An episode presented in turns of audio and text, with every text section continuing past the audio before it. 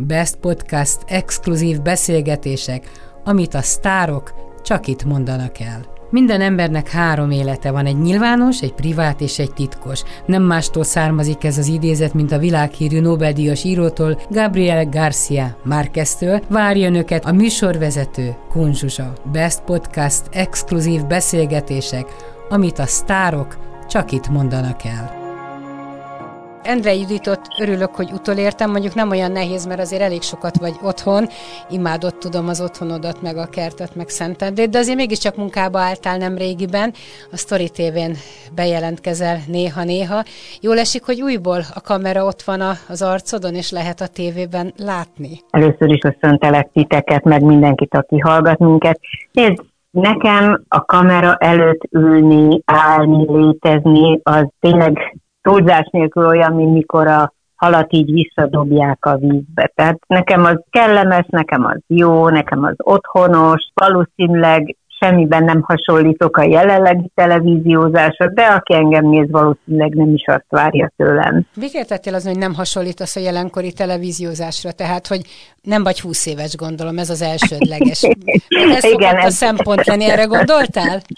Erre is, meg, meg az én mondjuk beszédtempóm sokkal lassabb, mindig is lassabb volt, még a régi időkben is a szokásosnál, nyilván az öltözködésem is nem a trendeknek megfelelő, hanem inkább a saját ízlésemnek. Ahogy beszélek, ugye, amit mondok, ahogy fogalmazok, az Hát az ma nem trendi, és most nem, semmiképpen nem, szeretnék, nem szeretném kritizálni a jelent, inkább szerintem megváltozott a világ, megváltozott a stílus, úgyhogy ezt el kell fogadni. De azt szoktam mondani, hogy a világ is fogadja el, hogy ha már még itt vagyok, akkor én meg ilyen vagyok. De ha már így elkezdted részletezni, mi az, ami jellemző például a te öltözködésedre? Én magamban egy ilyen konzervatív, konszolidált, de Igen. így volt ez 40 évvel ezelőtt is. Tehát ez akkor, így van. Tehát nem az voltál, aki kipakolja a ciciét, kigombolja a blúzát, nem tudom én, kint van a combja, tehát te mindig ilyen voltál. Ez tényleg így van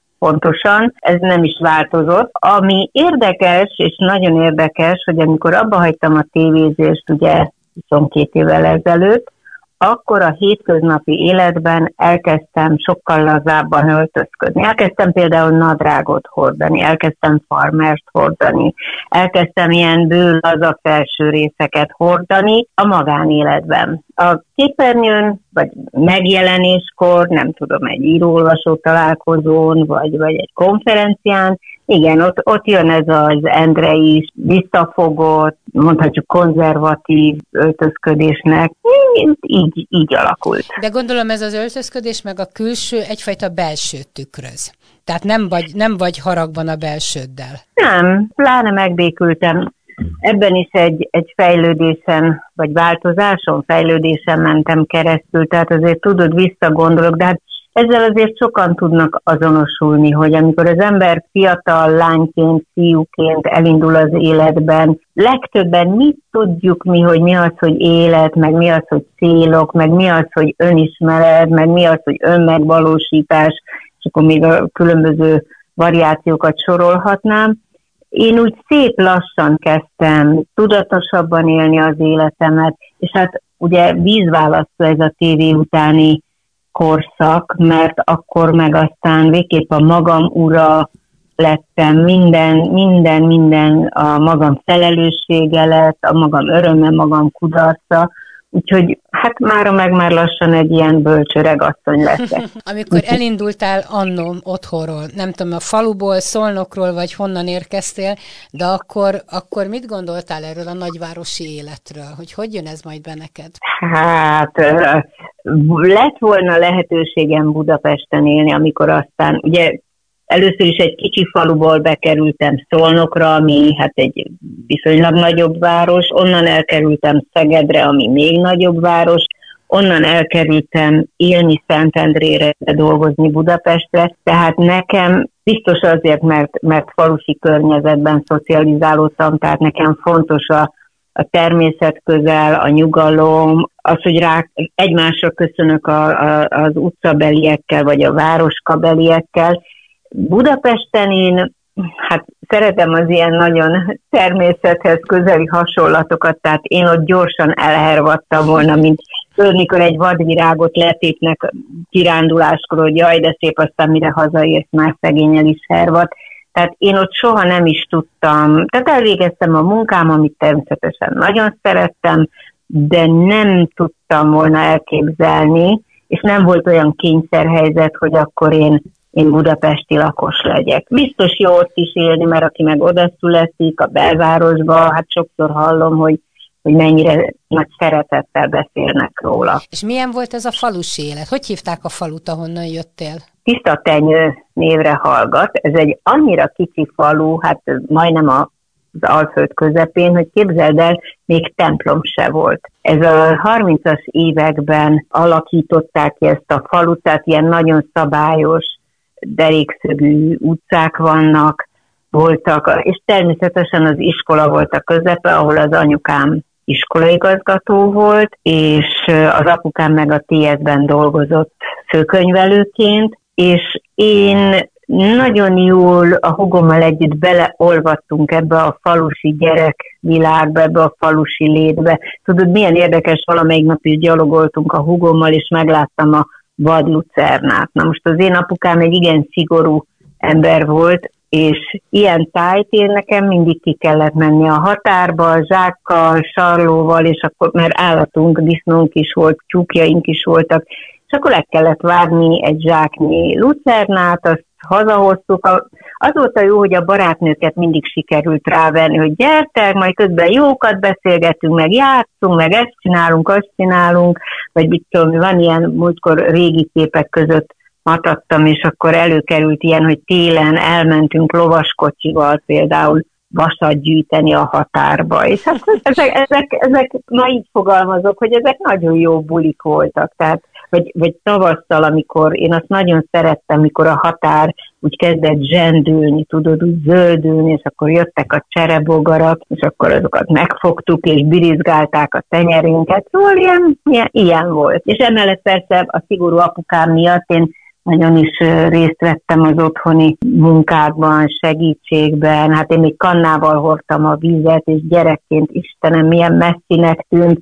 Most meg időnként, ha visszamegyek, hát csak pár száz méter. Van ott még valaki? Él még ott valaki? Barátnők, gyerekkori osztálytársak vannak ott. Mi szolgálati lakásban laktunk a, az iskola épületében, és ez is milyen érdekes, hogy egyszer már a gyerekeimmel kirándultunk arra, a hugom is velünk volt, és bementünk, és akkor még állt az épület, éppen felújították a lakást, tehát be tudtunk menni a, a régi lakásba, és egy következő alkalommal, amikor mentünk, képzeld el, a, hát a földdel volt egyenlővé téve az a terület, tehát lebontották, mert szép új iskola épült, hát a hugom azóta nem is jön tiszta tenyőre. Én azért, ha valahol arra járok, tudod, akkor, akkor úgy kiugrom, valami még mégiscsak köt engem ahhoz a kis faluhoz, hiába nincs már ott mondjuk rokonság, vagy, vagy nem tudom, régi ház, vagy otthon.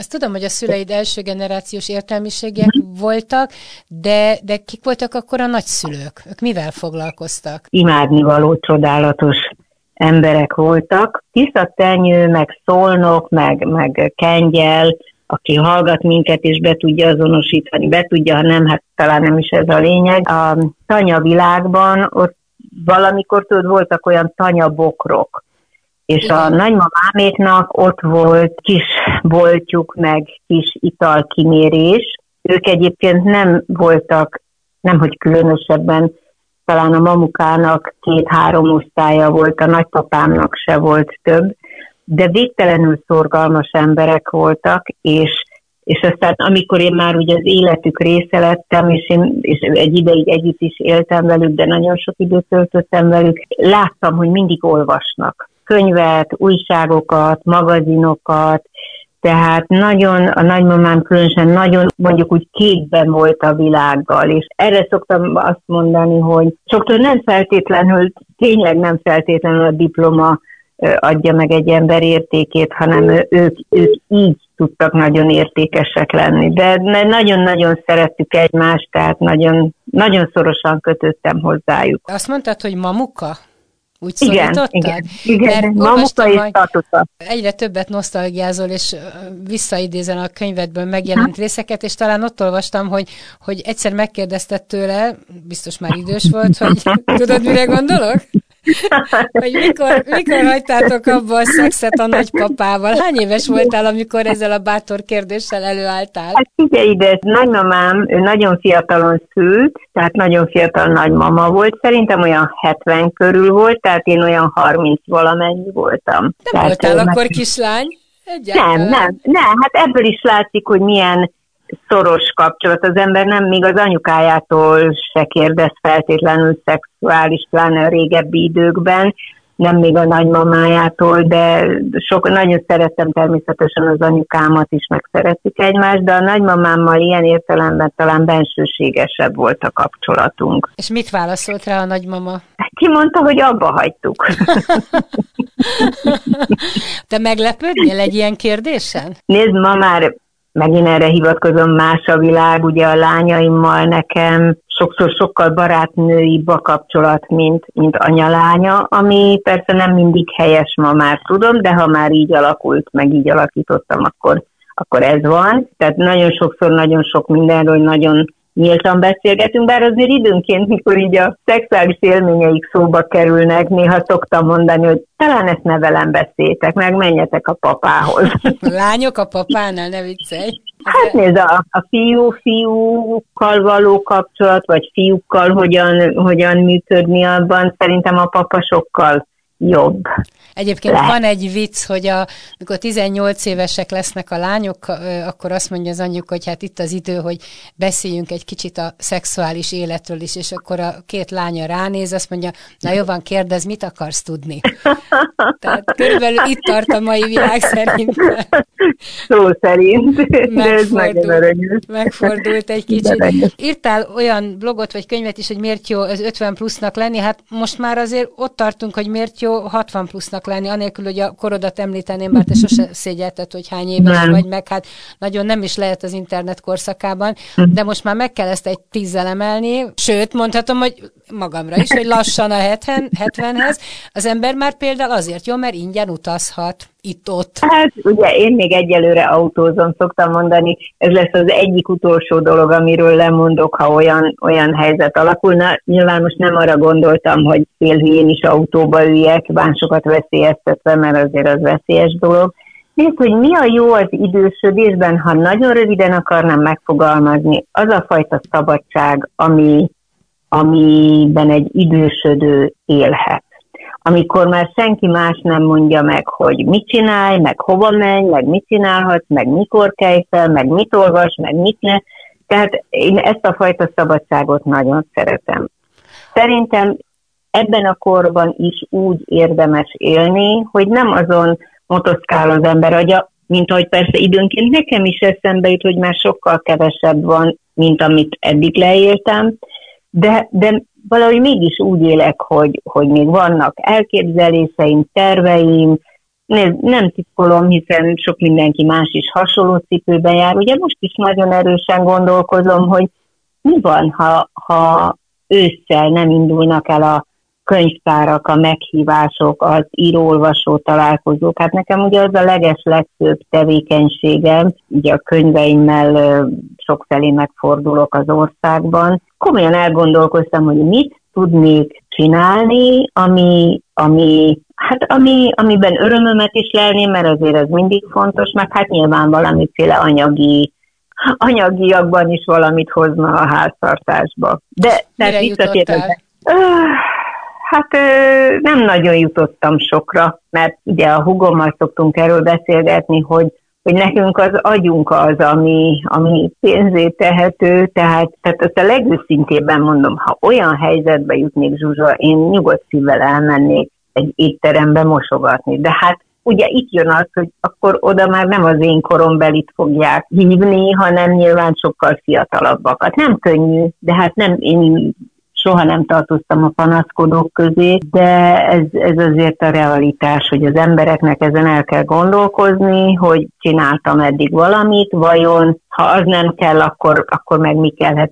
Fölmerült bennem, hogy fordítani oroszból, tanítani orosz, ilyeneken És gondolkodom. új szakmát esetleg megtanulni, amit az ember valóban a két kezével végez, és mondjuk mégsem mosogatás. Nem ijednék, mert látod, ez most adtál egy jó ötletet, körül kell nézni. Én nagyon szeretek, például lehet ez a kézműveskedés, vagy kézzel valamit előállítani. Tehát Virágkötészet, annyi minden van. Az a baj, hogy az ember mindig ragaszkodik a diplomájához, meg ehhez az értelmiségi léthez, és akkor eljön egy szint, amikor már csak a bizonyítványod van, de a léted már egyáltalán nem olyan, hanem annál lejjebb csúszott egy kicsit, és hát pontosan olyan szép a kétkezi munka is, vagy szép lehet a kétkezi munka is. Évek óta mondom, hogy na most, most valami olyat fogok ajándékozni, amit én csinálok, hogy Dunakavicsot festeni, vagy varrogatni, vagy hát aztán mindig eljön a karácsony, és ezek mindig elmaradnak.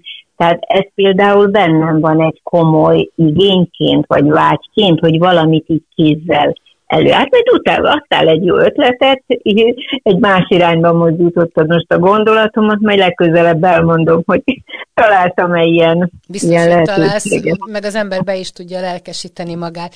Miért maradtál egyedül? Említetted, hogy lányoknak az édesapját, ezer éve elváltál okos, uh-huh. csinos, mostanáig dicsértünk, hogy milyen, uh-huh. minden, minden kerek körülötted, minden kerek.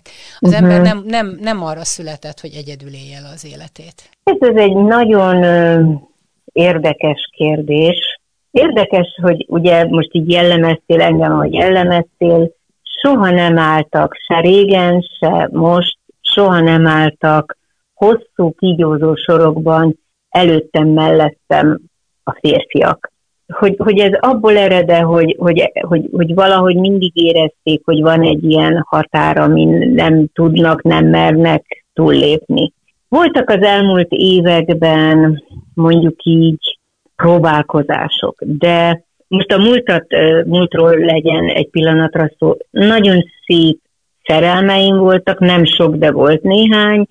Nagyon kedves, jó, okos, vidám, gondoskodó néhány férfival találkoztam az életemben, de amikor a gyerekekkel mi így egyedül maradtunk, ez az én döntésem volt, tehát nem akarom semmiképpen a gyerekek apukáját megbántani, így utólag sem. Én annyira jól kialakítottam a magam életét, hogy nekem nem hiányzik, hogy valaki itt legyen mellettem. Lehet, hogy ebben is benne van ez a nagy szabadság szeretetem, és Nekem ez így komfortos, tudod, néha úgy elképzelem, hogy autózom haza ének idején, és akkor várna itt valaki, aki még, még csak lehet, hogy nem is szavakkal, de így rám villanna a szeme, hogy na, most jöttél haza, én meg itt egyedül föl. Tehát így, így alakítottam ki, és hadd had tegyem még azért ehhez hozzá, tudod, hogy én nem tudom, hogy a világban ez máshol hogy van, de nálunk Magyarországon azért valahogy úgy gondolják, hogy egy nő akkor kerek, vagy akkor értékesebb, ha van mellette egy, egy férfi ember.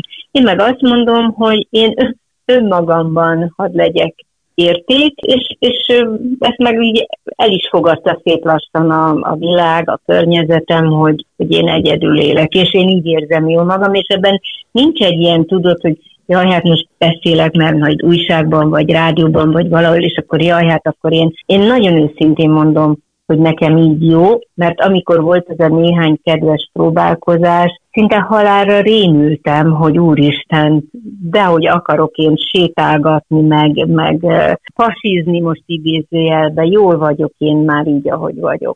Amikor a szüleid ugye nem élnek már, jól tudom. Sajnos nem. Sajnos nem. Tehát, hogy hogy voltak ők egyedül? Tehát hogy mentek el? Arra gondolok, hogy milyen öregkor vár rád. Hasonlítható-e mondjuk a szüleidéhez? Hát az apukám sajnos nagyon fiatalon halt meg, ő 50 éves volt, amikor meghalt, és ez tulajdonképpen, hogy mennyire fiatalon, erre akkor jöttem rá, amikor én elmúltam 50 éves. Tehát addig, addig másképp néztem én ezt. Az anyukám még megérte, hál' Istennek, ugye én későn szültem, de megérte, hogy, hogy unokái születtek, mint ahogy még a mamuka is megérte, hogy dédunokái születtek. Ezt a fajta örömöt megélhették. Hogy milyen öregkor vár rám, az előbb mondtam, hogy addig, amíg mozgékony vagyok, aktív vagyok, energikus vagyok, jövök, megyek, addig nincs gond velem. Ahogy én elképzelem az, az, azt az időskoromat, mikor már nem nem ez lesz, hanem tényleg egy, egy lakáshoz, egy... Én nagy valószínűséggel, és akkor most nem kell megrémülni, meghökkenni, de én, én valahogy azt képzelem el, hogy én, én egy otthonba, egy szép otthonba fogok bevonulni, ahol gondoskodnak rólam, vigyáznak rám, ha, ha megtehetem, bízom abban, hogy, hogy ezt még megtehetem. Igen, valahogy Egyébként ezt azért is kérdeztem most tőled, mert most hétvégén nálunk ott volt az egész család, nagy gyerek, kisgyerek, millió unoka, és, és ez felmerült, és bennem merült fel ugyanez, hogy, hogy vajon milyen öregkorra van az embernek, még akkor is, ha családja van, férje, gyereke, mert senkitől nem lehet elvárni sem, meg az idejébe se fér bele. Ahogy ma dolgoznak az emberek, semmi nem fér bele az idejükbe.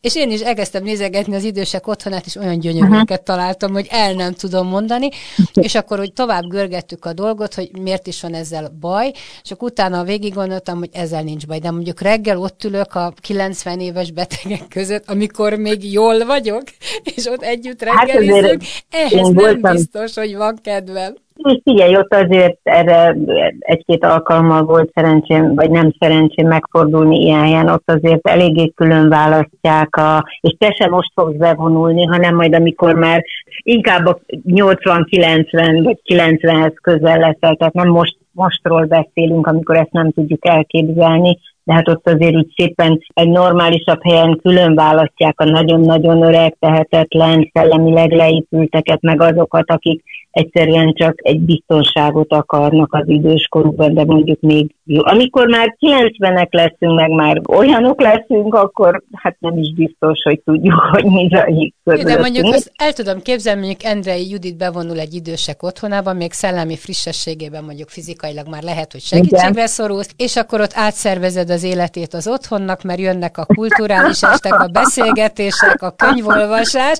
és egy új világot teremtesz magadnak, ahogy, ahogy az ember egy pici mikrokörnyezetben is meg tudja ezt teremteni. Ez pont így van, és majd, ha így lesz, majd eszembe fogsz jutni, hogy így képzeltél el engem. Ugye, annyira mi kezünkben van azért jó részt az, hogy mit kezdünk az életünkkel. Tehát én, én nem tudom, nem győződtem meg róla, hogy volt előző életem, vagy lesz egy következő, ez, ez, és nem is tudom azt mondani, hogy hiszek, vagy nem hiszek benne, de annyira erre a jelenlegi életemre koncentrálok, hogy hogy ebből kihozni mindazt, ami nekem a legjobb, meg hát valamelyest a környezetemnek, meg a tágabb környezetemnek, tudod? Tehát most Soha igen. nem csináltattál magadnak horoszkópot, hogy hogy alakul az életed a csillagok járása nem. szerint? Nem? Nem akarom tudni, nem akarom tudni. Valószínűleg van bennem némi félelem is, hogy jaj, mi derülhetnek ki. Nem, nem, nem, nem, nem, nem akarom így előre tudni. Nem szoktam elmenni nagy döntések előtt, hanem van nekem egy nagyon okos húgom, akivel nagyon-nagyon-nagyon át tudjuk beszélni, ha olyan élethelyzetünk van, és, és ő tud nekem jó tanácsokat adni, vagy elgondolkoztat. A hugod nem, is egyedül maradt? Ő, ő, ő is? Igen, igen, igen. Ez milyen igen. érdekes, nem? Az endrei igen. lányok, vagy kurdics lányok, vagy hogy mondjam. Nézd, vannak barátnőim, akik szintén egyedül vannak. Lehetne ebből kutatást végezni, mert mondhatnám azt, hogy ahogy néha szoktuk mondani, hogy azért az erős nőknek, pláne ebben a korban nem túl egyszerű párt találni. Most tudom, mindjárt meg fogod kérdezni, mert ismerlek, sokszor hallgatlak, hogy, hogy és akkor mi az, hogy erős, bocsánat, csak közben kinyílott az ajtó, mert nálunk vihar készülődik, hogy mi az, hogy hogy erős nő. Szeretem a magam dolgait, magam eldönteni, szeretem azt csinálni, amit én jónak tartok. Ettől persze néha önfejűnek vagy makacsnak is érez a környezetem. Tehát Nincs ezzel igen. baj. Sőt, azt is mondhatom akkor, hogy lehet, hogy szerencsés az a férfi, most viccesen fogalmazok, aki megúszott téged. Egy ilyen jó. erős nőt. Meg, megkímélted őket ettől a sorstól. Képzeld el, hogy egyszer egy nagyon aranyos és egy nagyon kedves ember volt egy ilyen kedves próbálkozása. Talán ő még nem is gondolta, gondolt komolyra, csak úgy, úgy tejáztunk egyet, és annyira megrémültem a, a gondolatától is, hogy e, ebből akár több is lehet, hogy elkezdtem neki leírni magam, hogy tudja, tudja maga, hogy én milyen borzasztó, elviselhetetlen, házsártos, kibírhatatlan, tudod, szóval... Nem na, jó hát, képet festettél magadról. Nem, Nem, nem. De egyébként, van. Egyébként az jó, mert neked van egy elég erős önismeretet. Tehát valószínűleg az önismeretben sok minden belefér, hogy az élet úgy alakult, vagy az uh-huh. életed úgy alakult, ahogy alakult. Én, én hiszem, hogy ez, ez így van, és kicsit Igen. hiszek a sorszerűségben is, hogy nem véletlen, hogy így, így van. És például az, hogy neked a testvéreddel ilyen szoros maradhatott a, a kapcsolatod, mert 40 éve ismerjük, és nincs uh-huh. olyan beszélgetés, hogy a hugod ne kerülne szóba. Tehát ez is, ez is érdekes, hogy ez egy nagyon-nagyon erős szövetség, ami köztetek van. Kevés testvér között érzem ezt. Igen, ez, ez jó, hogy így van, és, és amikor két ember között bármennyire szereti egymást, legyen az testvéri kapcsolat, vagy párkapcsolat, vagy gyerekszülő az, hát arról aztán ne is beszéljünk, de előfordulnak azért helyzetek, meg pillanatok, és, és tényleg a szeretet valahogy segít helyre billenteni azt a konfliktust, vagy egyet nem értést, vagy most nem is tud, igen, érted, hogy miről beszélek, igen, és igen. távol azért, ha volt is néha az életünkben ilyen, mert kinek nincs, mi ezt azért mindig, mindig helyre tudtuk billenteni, és ez jó. Egy párkapcsolatban látod, nem volt meg bennem ez a, ez a türelem, vagy odafigyelés, vagy ha most így hirtelen a régi párkapcsolataimra gondolok, igen. Anyukát sem ment újból férjhez édesapád halála után? Nem, nem, nem. Hát ugye, ahogy az előbb mondtam, végül is, most ha belegondolsz, hogy 49 évesen itt maradt egyedül, hát bőven mehetett volna, és, és mégse mégse. Egyébként ezt az idősebb generációnál láttam, hogy ők olyan, olyan egy szerelemre születtek, tehát igen, vége igen. Akkor, akkor eddig tartott, és, és nincs újra kezdés. Ez is méltányolható, és nagyon szép igen. és szerethető. Endre Judit, nagyon szépen köszönöm neked, hogy velem voltál. Akkor ezek szerint a viharos házadba hazaértél a, a munkából. haza, haza. Akkor köszönöm, hogy itt voltál, és szép estét kívánok neked. Köszönöm szépen, Zsuzsa. Jól éreztem Szia. magam. Szia. Örülök Szia. neki. Best Podcast exkluzív beszélgetések, amit a sztárok csak itt mondanak el. Minden embernek három élete van, egy nyilvános, egy privát és egy titkos. Nem mástól származik ez az idézet, mint a világhírű Nobel-díjas írótól, Gabriel Garcia Márqueztől. Várja önöket a műsorvezető Kunzsuzsa. Best Podcast exkluzív beszélgetések, amit a sztárok csak itt mondanak el.